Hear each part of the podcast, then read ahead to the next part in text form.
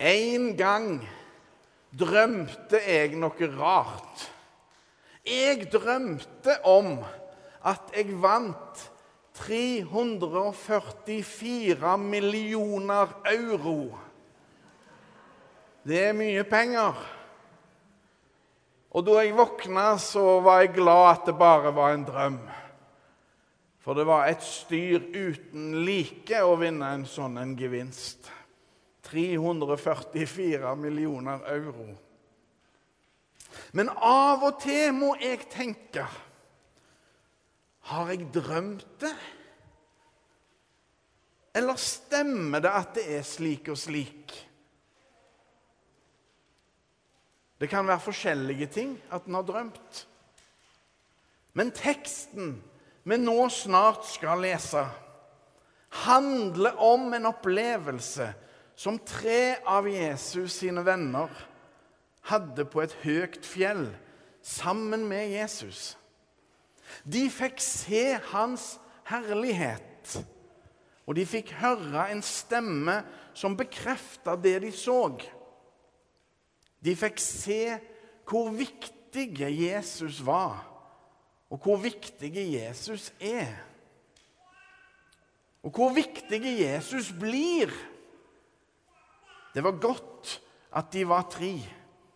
Ellers så kunne de sikkert tenkt om denne opplevelsen at det var noe de bare hadde drømt. Så utrolig spesielt var dette som de faktisk opplevde.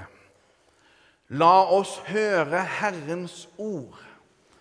Gud være lovet. Halleluja, halleluja, halleluja. Det står skrevet i evangeliet etter Lukas. Jesus tok med seg Peter, Johannes og Jakob og gikk opp i fjellet for å be. Og mens han ba, fikk ansiktet hans et annet utseende. Og klærne ble blendende hvite. Med ett sto det to menn og snakket med ham. Det var Moses og Elia. De viste seg i herlighet og talte om den utgangen livet hans skulle få, om det han skulle fullføre i Jerusalem. Peter og de andre hadde falt i dyp søvn. Nå våknet de og fikk se hans herlighet og de to mennene som sto sammen med ham. Da mennene skulle til å forlate ham, sa Peter til Jesus, 'Mester, det er godt at vi er her.' La oss bygge tre hytter, en til deg, en til Moses og en til Elia. Han visste ikke selv hva han sa. Mens han talte, kom det en sky og skygget over dem. Og da de kom inn i skyen, ble de grepet av frykt. Det lød en røst fra skyen. Dette er min sønn, den utvalgte. Hør ham. Og da røsten lød, var det ingen annen å se, bare Jesus. Disiplene tidde med dette. På den tiden fortalte de ikke til noen hva de hadde sett. Slik lyder det hellige evangelium. Gud være lovet. Halleluja, halleluja, halleluja.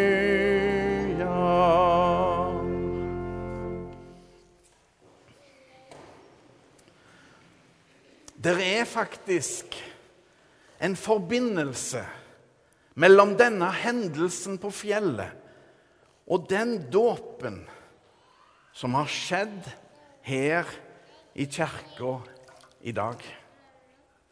Bjørn og Mikkel er begge blitt berørt av den samme Jesus som ble forklart på fjellet den gangen helt usynlig.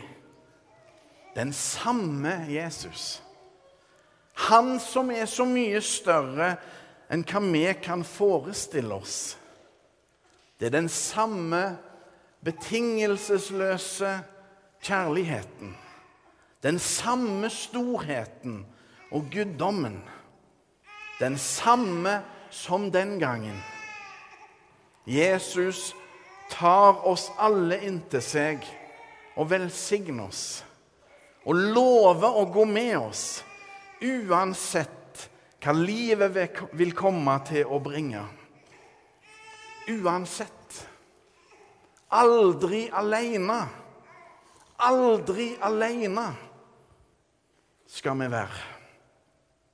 Vi hører om en fjelltur som Jesus tar sammen med sine tre disipler, Peter, Johannes og Jakob. Det blir en fjelltur de aldri kommer til å glemme. For mens de er på toppen, skjer det noe helt utrolig. De får se sin mester, Jesus, slik som han er. I virkeligheten. Usensurert og uten filter.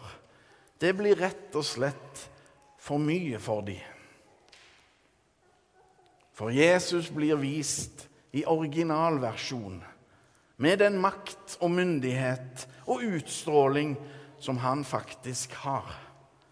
Han er sammen med kjentfolk, Moses og profeten Elia, storheter fra Det gamle testamentet.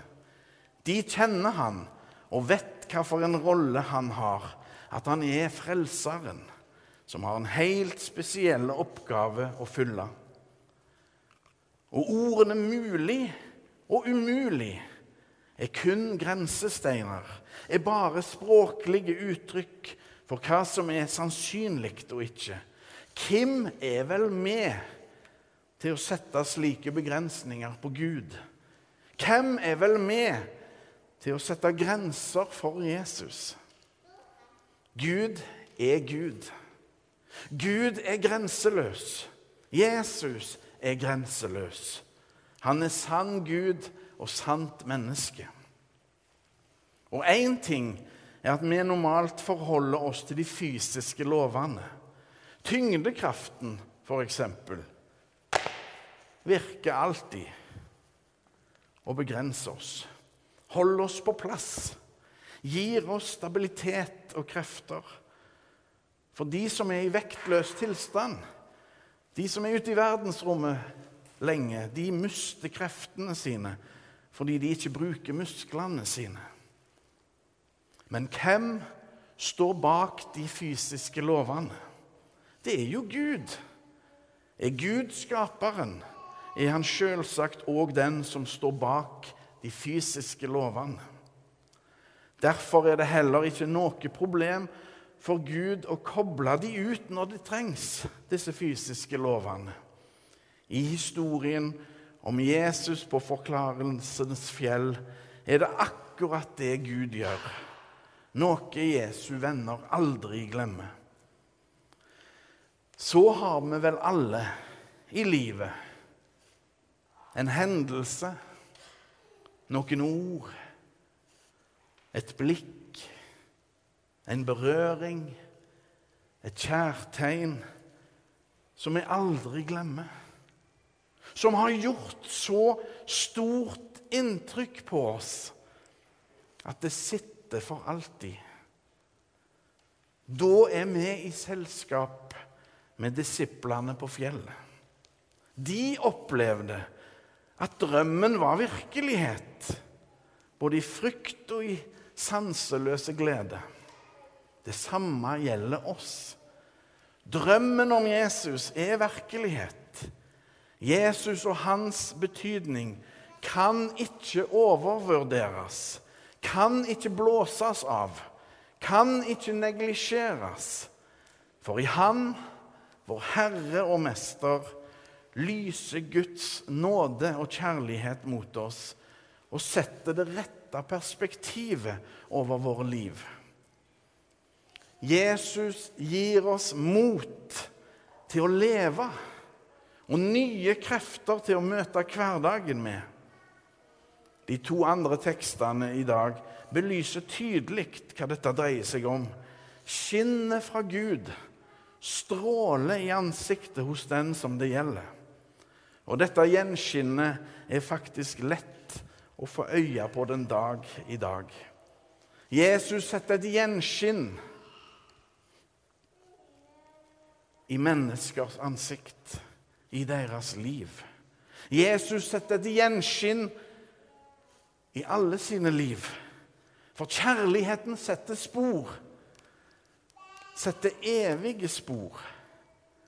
Eller som det står i teksten Og da røsten lød, var det ingen annen å se, bare Jesus bare Jesus.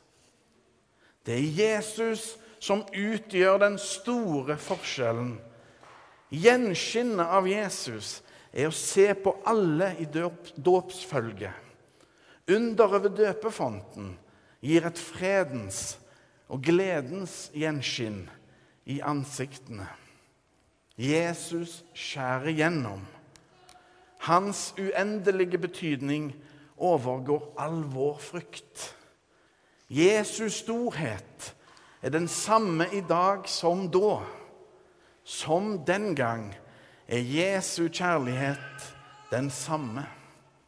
Den kjærligheten gir oss alle varme hender og glødende hjerter og gjenskinn i ansiktet.